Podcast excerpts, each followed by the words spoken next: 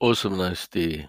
julij, 16. nedelja med letom, poslušamo odlomek iz Markovega evangelija, ko učenci pridejo nazaj k Jezusu, ki jih je poslal znanjati, in oni se vrnejo in poročajo, kaj so storili in učili. Jezus jih povabi na samoten kraj, da si malo odpočijejo. Ker je bilo toliko ljudi in toliko potreb, jih je povabil, naj gredo na samoten kraj. Seveda so šli za njimi. In so se Jezusu zasmilili. No, ampak danes bi rad izpostavil ta vidik. Se spomnim, ko sem bil mlad, se je govorilo, da bo delavnik vse krajši, da bo krajši od osem ur in tako naprej. No, če pogledamo danes standard, ne, vem, kolikokrat višji, ampak tudi garanje je po deset ur in več pri mnogih, pri mnogih, sploh tistih v gospodarstvu. Pri mladih parih pa, ki prihajajo na poroko, to največkrat zasledim. Koliko garajo. Šestdeset ur tedensko.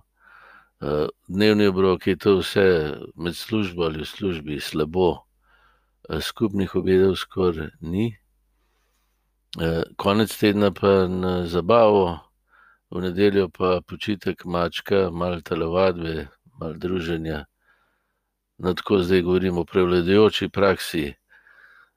Nekako je doživljam, pa tudi papež Frančišek govori o kulturi izčrpanosti.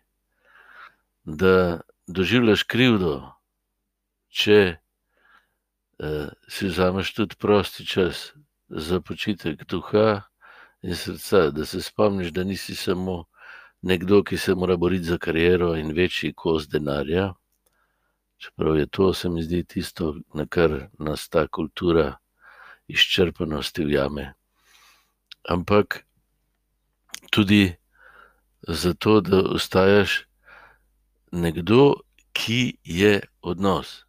Se pravi, ki živi iz tega, da svoje delo in vse to, opravlja za druge in, zato, da podari svoj dar, ki ga je prejel, sposobnosti in talente pa svojo lučko življenja, da ga razdelimo. In da smo drug za drugega, da smo drug drugemu dar, to je največji počitek. In Jezus na to vabi svoje učence. danes bi lahko rekli tudi na duhovne vaje jih je povabil. Da se zavejo, čemu garajo in delajo. a je cilj tega, kar počnemo, večji od profita, se pravi, večjega kosa denarja in kariere? A je še kaj več? To se mi zdi, je tudi zadaj, ne.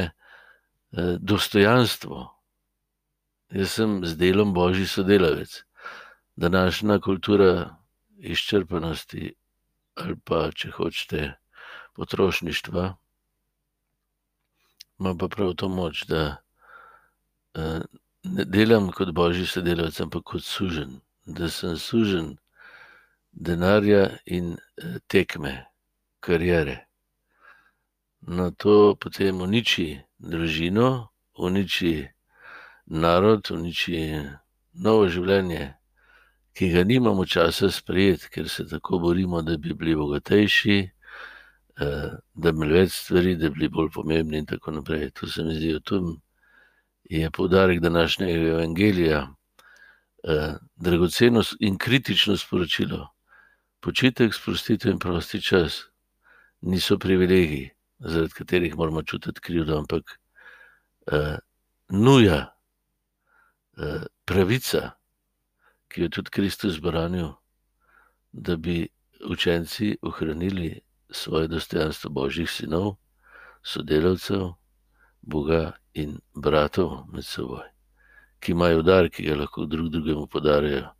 Zato vas povabim, da se v teh počitnicah tudi odpočijemo, tako da okrepimo svoje odnose.